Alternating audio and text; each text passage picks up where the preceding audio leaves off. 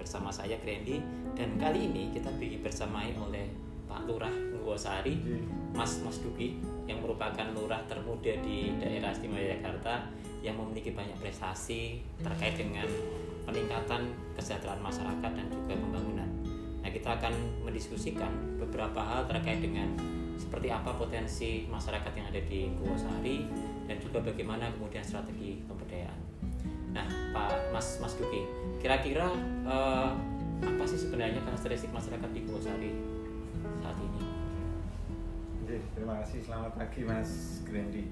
Eh, mohon izin eh, kaitan dengan apa yang menjadi karakteristik masyarakat di Sanggosari sebenarnya di Desa Sanggosari menjadi salah satu desa yang cukup unik karena di Sanggosari ini kan terdiri dari 15 pedukuhan terdiri dari 77 RT dan setidaknya ada 17.000 penduduk yang tinggal di Desa Anggosari dengan berbagai macam latar belakang pendidikan. Sehingga di Desa Anggosari ada dua karakteristik. Yang pertama karakteristik masyarakat urban yaitu mereka yang bertempat tinggal di perumahan. Kemudian ada karakteristik masyarakat yang uh, mungkin dibilang asli desanya Nah, desa, desa ini dalam arti mereka yang memang sejak dari kecil tinggal di desa Anggosari dan besar di desa Anggosari. Sehingga dua hal ini yang menjadi perpaduan di desa Anggosari antara masyarakat urban yang notabene mereka tinggal di desa Anggosari, uh, tapi lahirnya tidak di desa Anggosari. Nah ini ada beberapa plot perumahan yang menjadikan uh, dua karakteristik masyarakat di desa Anggosari dengan berbagai macam latar belakang pendidikan, sosial, budaya, dan agama. Ya Nah, dengan berbagai macam karakteristik seperti itu, Desa Gowosari itu mau dibawa ke pengembangannya seperti apa, Mas, ke depan? Ya. Sehingga satu hal yang menarik karena memang di Desa Gowosari ini memiliki berbagai macam karakteristik uh, seperti yang disampaikan di awal tadi, sehingga kami mempunyai konsep nyawiji bangun Gowosari. Nyawiji ya, bangun Gowosari. Nyawiji bangun Gowosari. Sehingga konsep ini kita jadikan sebagai apa mencoba maksimalkan sumber daya manusia yang ada di desa Anggosari karena kami meyakini bahwa dengan berbagai macamnya latar belakang pendidikan yang ada di desa Anggosari akan kami libatkan dalam pembangunan dalam pemberdayaan di desa Anggosari. Hal-hal ini coba kami lakukan mulai dari penyisiran apa saja atau potensi secara SDM yang ada di desa Anggosari ada berapa uh, pengacara yang ada di Desa Anggosari, ada berapa PNS, ada berapa atlet yang ada yeah. di Desa Anggosari sehingga uh, kami berdayakan, kami maksimalkan potensi-potensi SDM mereka untuk bersama-sama membangun desa di Desa Anggosari. Sehingga konsepnya Wiji inilah yang kami laksanakan di Desa Anggosari. Sebelum ke potensi ya Mas, ini kan banyak pendengar dan juga pemirsa yang ada di sini yeah. menonton itu eh, dari berbagai macam latar belakang. Nyawiji itu sebenarnya apa Mas? Yeah. Nyawiji itu kan sebenarnya bersatu, oh, bersama-sama. Yeah. Nah, sehingga uh, kalau orang Jawa itu mengibaratkan seperti sapu lidi. Nah, sapu lidi itu kalau satu itu nggak bisa buat nyapu. Yeah. Tapi kalau ada 50 atau 100 kemudian itu menjadi kuat dan bisa membersihkan. Nah, itu uh, filosofi seperti itu yang kami ingin terapkan di desa. Artinya kalau di bahasa Indonesia kan itu nyawiji itu bersama-sama bangun dua sari gitu. Iya, benar sekali. Oke. Okay.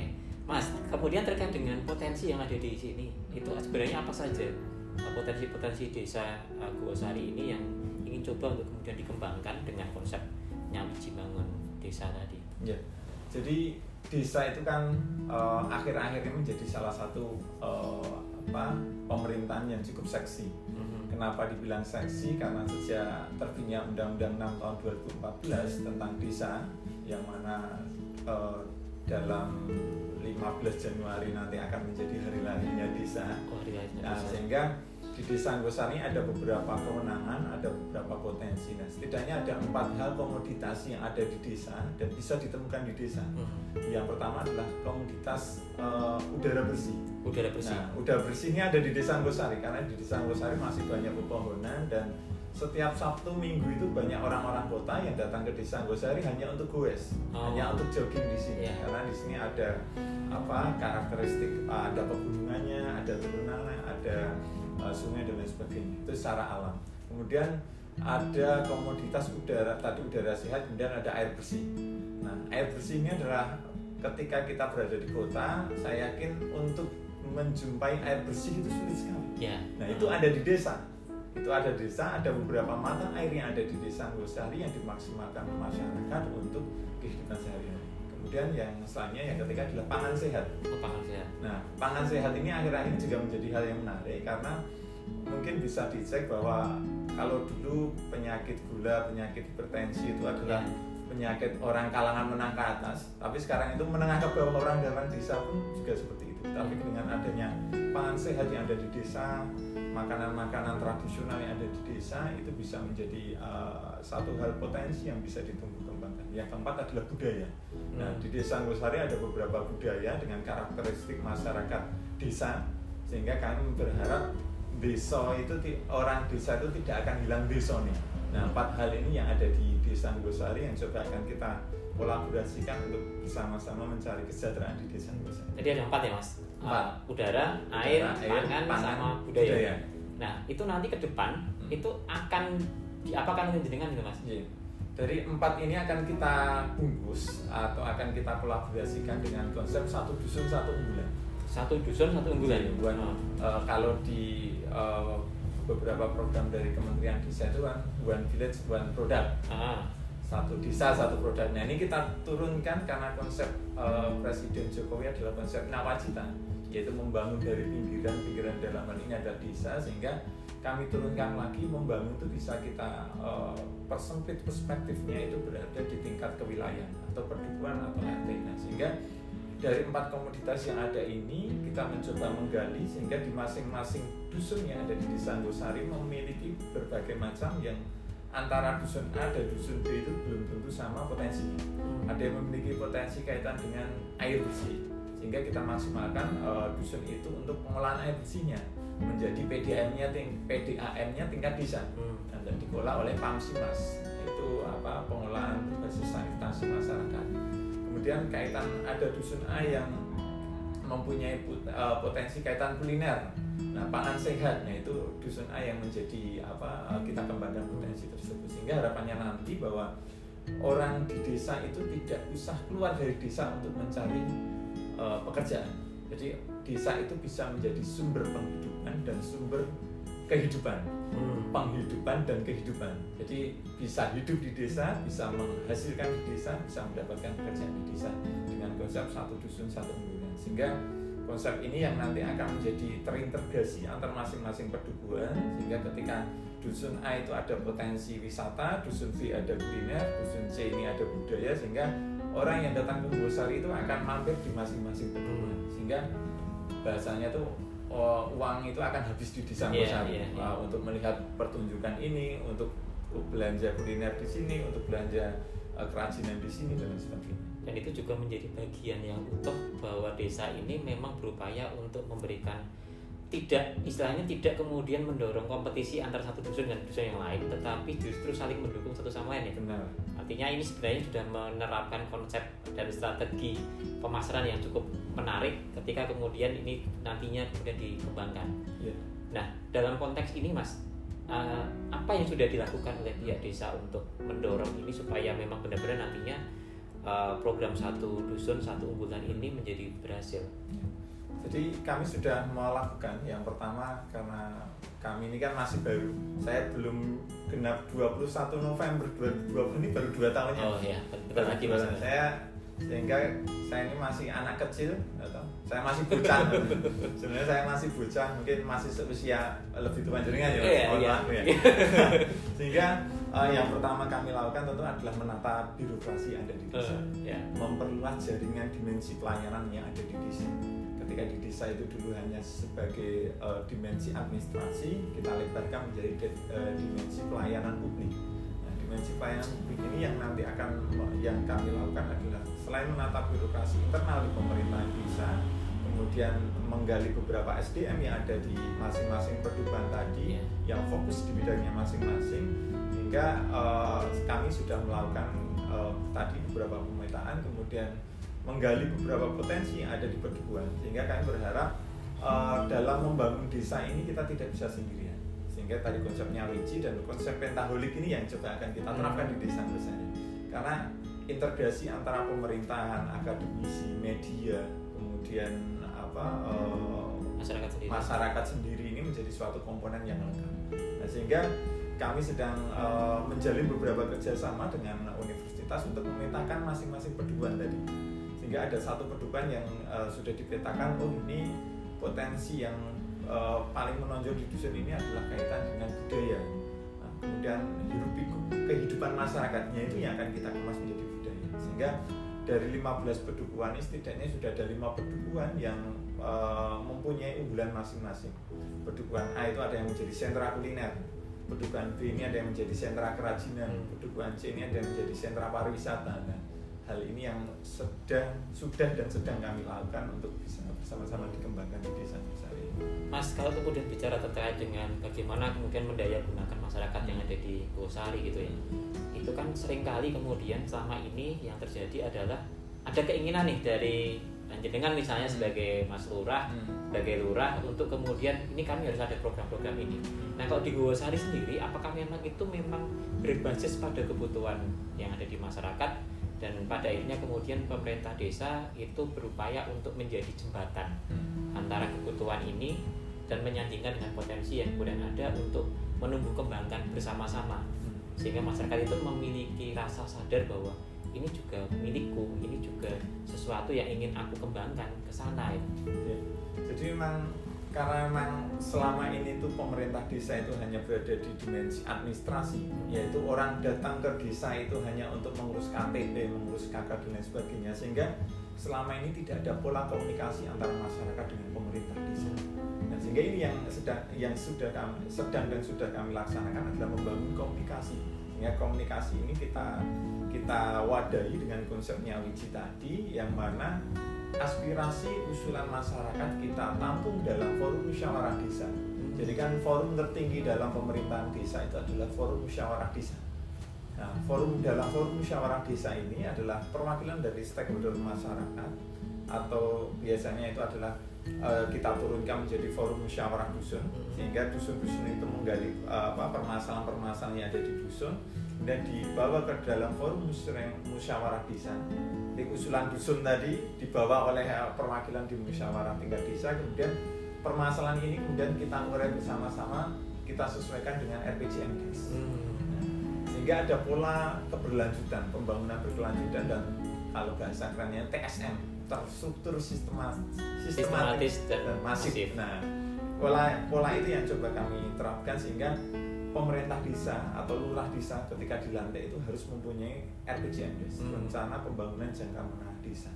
Nah ini adalah apa gambaran gambaran besarnya yang kemudian gambaran besar ini disusun oleh masyarakat sendiri. Hmm. Jadi kita menyusun tim untuk menggali permasalahan yang ada di masyarakat, kemudian dalam forum musyawarah dusun tadi adalah menggarisbawahi permasalahan-permasalahan ataupun uh, usulan-usulan masyarakat kemudian ditamu dalam forum musyawarah desa. Sehingga harapan kami adalah keterlibatan masyarakat dalam proses perencanaan pembangunan desa itu akan menjadi dan mengakomodir beberapa usulan dari masyarakat sehingga tidak ada lagi uh, konsep pembangunan berdasarkan elit politik desa hmm. elit-elit yang ada di desa saja bukan hanya kehendak pemerintah bukan hanya kehendak lurahnya bukan hanya kehendak cari sekdesnya saja tapi ini menjadi kehendak masyarakat yang diamini oleh warga masyarakat.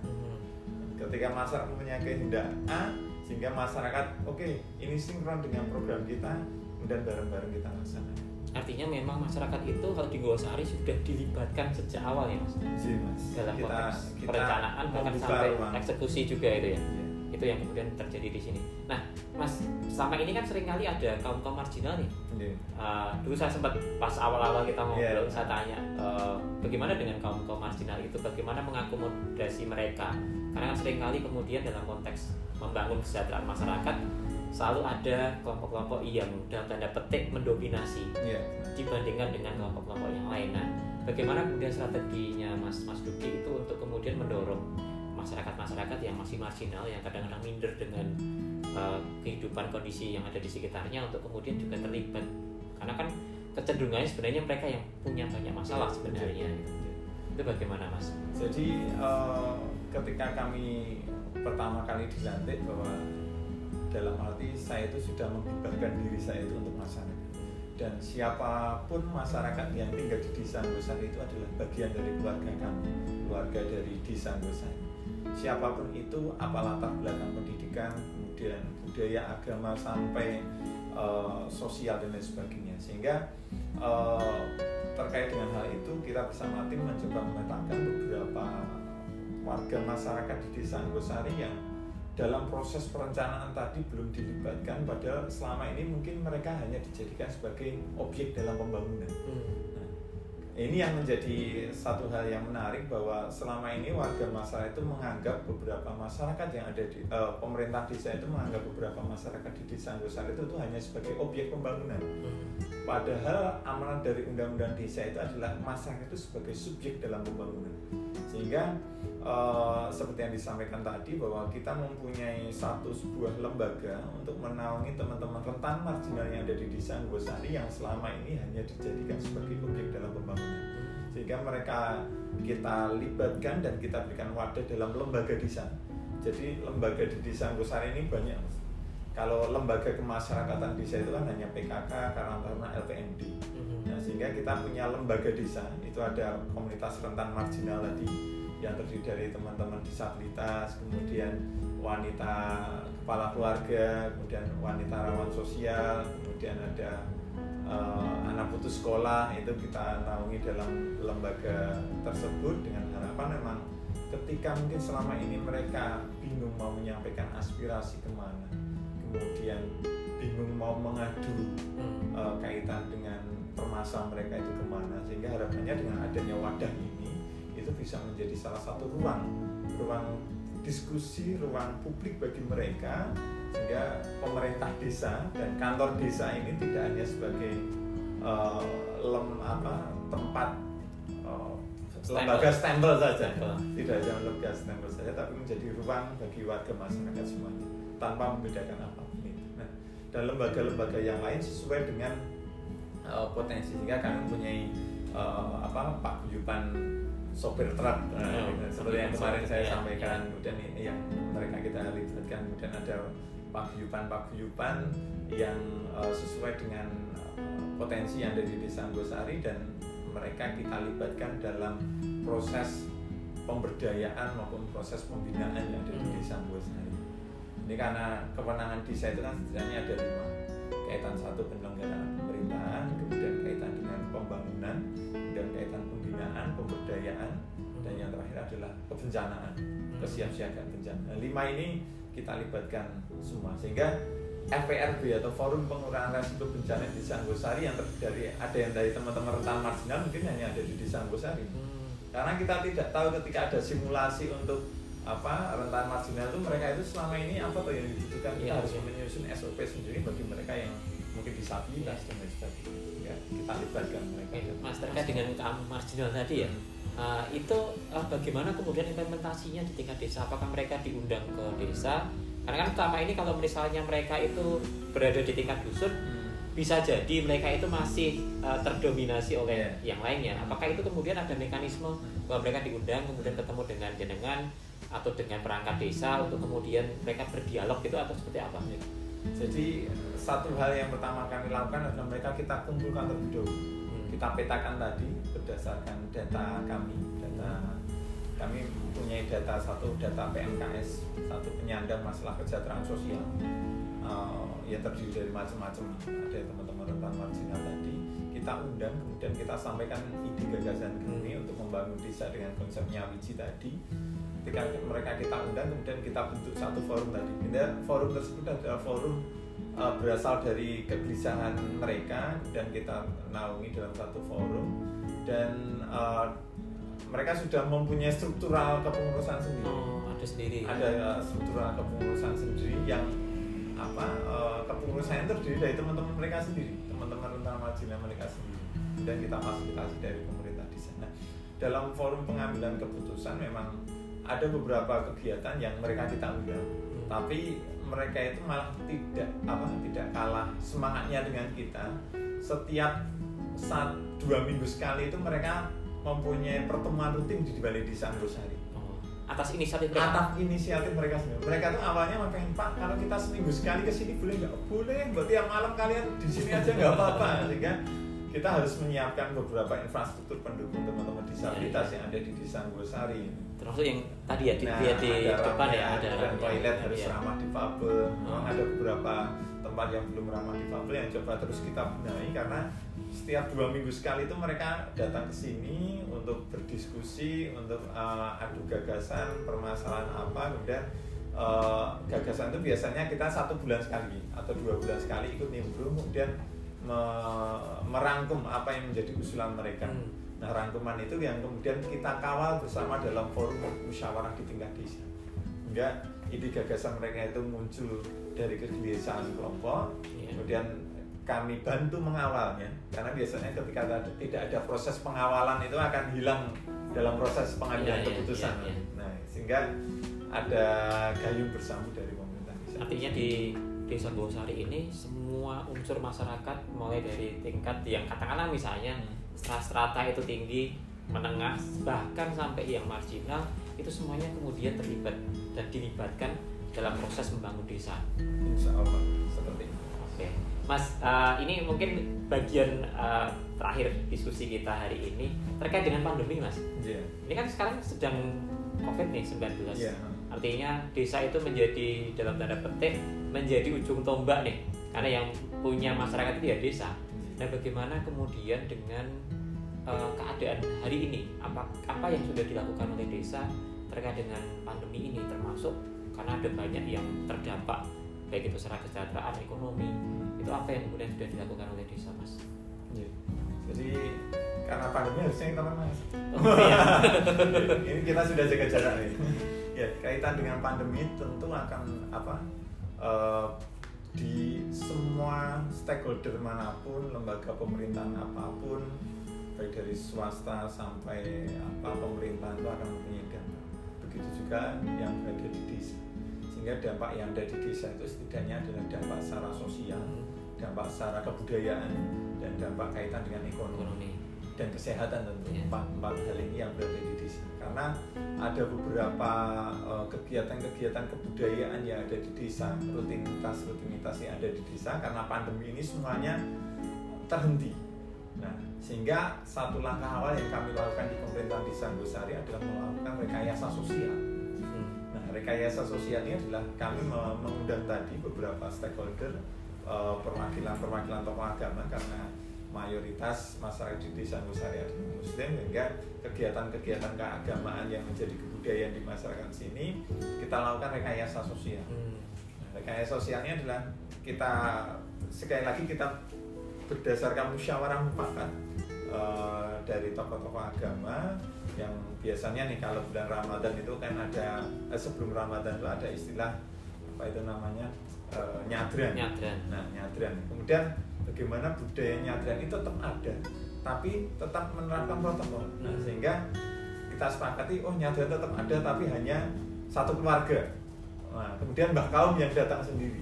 Nah itu adalah salah satu rekayasa-rekayasa sosial sehingga dari sisi kebudayaan keagamaan tetap berjalan tentu berdasarkan musyawarah mufakat yang kami lakukan di pemerintah desa Nusantara. Kemudian kaitan dari kegiatan ekonomi tentu kami melakukan pemetaan UMKM UMKM apa saja yang terdampak karena di Gosane termasuk sentra wisata kuliner yang ada di, di, di Kabupaten Bantul ini dan kita melakukan beberapa pemetaan berapa UMKM yang terdampak, berapa kepala keluarga yang kehilangan pekerjaan, Hmm. berapa uh, masyarakat yang hilang pekerjaannya sehingga kami mempunyai uh, beberapa skema dalam uh, menanggulangi kaitan dengan ekonomi. Yang pertama kami menerapkan pola kegiatan padat karya tunai Padat karya padat tunai. karya tunai sehingga kita melakukan pembangunan tetap melakukan pembangunan karena karena pandemi ini kan kemarin APBDes atau alokasi pendapatan pen- dan belanja desa itu kan kemudian direfokusi nah dari refocusing ini kita tetap mengalokasikan untuk pembangunan tapi dengan konsep padat karya. Padat karyanya saya mereka yang tidak punya pekerjaan kita Kita kerjakan rangkul kita rangkul untuk bekerja di desa dengan tetap menerapkan protokol kesehatan. Harus pakai masker dan sebagainya. Nah, ketika mereka yang punya uh, skill ya tadi kan mayoritas mereka yang dengan kegiatannya buruh harian lepas dan sebagainya. Dan bagi mereka yang punya warung dan lain sebagainya kita libatkan mereka dalam uh, penyaluran BLT dana desa Nah, BLT dana desa di desa Anggosari ini bukan secara tunai. Yang yang unik ini. Oh, Jadi kan harusnya kan bantuan langsung tunai. tunai ya Nah, kita bantuan langsung Langsung. tapi non tunai. non tunai Ya, karena kalau BLT secara tunai itu akan menjadi bantuan langsung telas. Bantuan langsung habis. karena ketika orang di desa itu diberikan uang pasti untuk ngangsur motor, untuk ngangsur Nah, ini dan iya. sebagainya. Sehingga padahal fungsi dari BLT itu adalah sebagai jaring pengaman sosial. Sehingga di Desa Anggosari kita terapkan secara non tunai, kita bekerjasama dengan salah satu bank dengan ATM, jadi Mhm. dengan ATM, kemudian eh, pembelanjaannya itu harus di warung tetangga, harus itu mas harus di harus warung tetangga dengan platform pasardesa.id Hmm.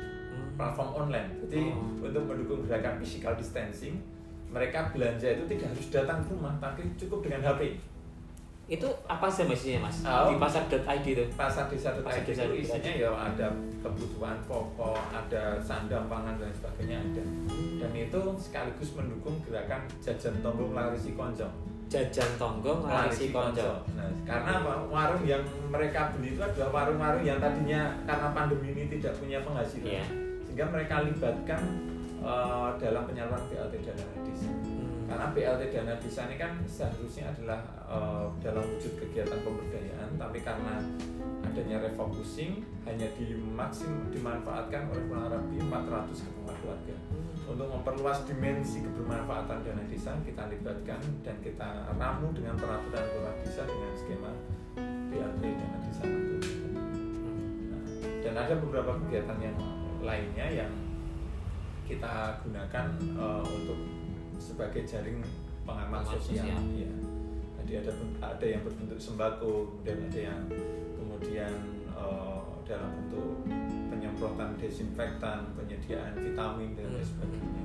Dan alhamdulillah sampai saat ini tuh yang terkonfirm positif di desa Anggosari itu ya baru ya mas, Iya. baru 10 orang karena akhir-akhir ini yang melonjak Meningkat. itu baru satu satu bulanan ini yang cukup meningkat karena AKP Hmm. adaptasi kebiasaan baru ini malah meningkat artinya apa namanya pihak desa memang sudah beradaptasi ya dengan kondisi hari ini termasuk bagaimana kemudian tetap berupaya mengembangkan dan mempertahankan kesejahteraan masyarakat yang ada di desa Guosari dengan berbagai platform mulai dari pas, eh, pasar desa ID ID kemudian apa tadi mas To- eh, jajan Jajan to- tonggo, jajan tonggo. Ngelarisi Konco. itu semuanya kemudian diskemakan supaya kemudian ekonomi itu berputar di desa dan pada akhirnya kemudian dampak itu bisa dikurangi secara signifikan. ya. Terima kasih banyak Mas Mas Duki Siap. eh, atas apa namanya diskusinya dan bincang-bincangnya. Kami jadi tahu bagaimana kemudian eh, desa itu memberdayakan masyarakatnya, apalagi desa Guosari yang kita tahu eh, tidak jauh sebenarnya dari kota Bantul, tetapi juga secara karakteristik masih sangat desa Iya. sehingga di beberapa hal ya apa yang kemudian dilakukan oleh Mas Mas Duki ini bisa benar-benar menjadi upaya dari bawah untuk memberdayakan mereka berbasis pada kebutuhan mereka berbasis pada potensi yang ada satu dusun satu unggulan supaya kemudian masing-masing ya bergerak sendiri-sendiri untuk menyokong satu sama lain dan pada akhirnya kemudian desa Guosari akan menjadi jauh lebih sejahtera dan pembangunannya juga berhasil.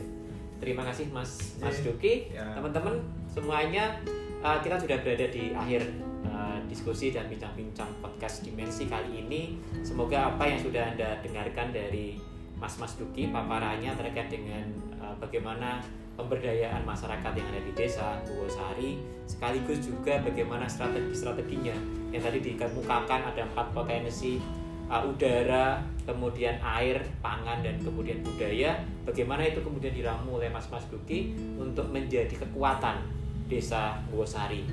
Kalau teman-teman ingin datang ke desa Buwosari, Mas Mas Duki terbuka nih Siap. untuk kemudian teman-teman bisa datang dan kemudian belajar di desa Buwosari. Toh letaknya juga tidak terlalu jauh dari kota Yogyakarta, mungkin sekitar 45 menit ya Mas kalau dari kota Yogyakarta. Demikian teman-teman, eh, terima kasih sudah menyimak eh, bincang-bincang kali ini. Ketemu lagi di episode eh, yang lainnya. Terima kasih.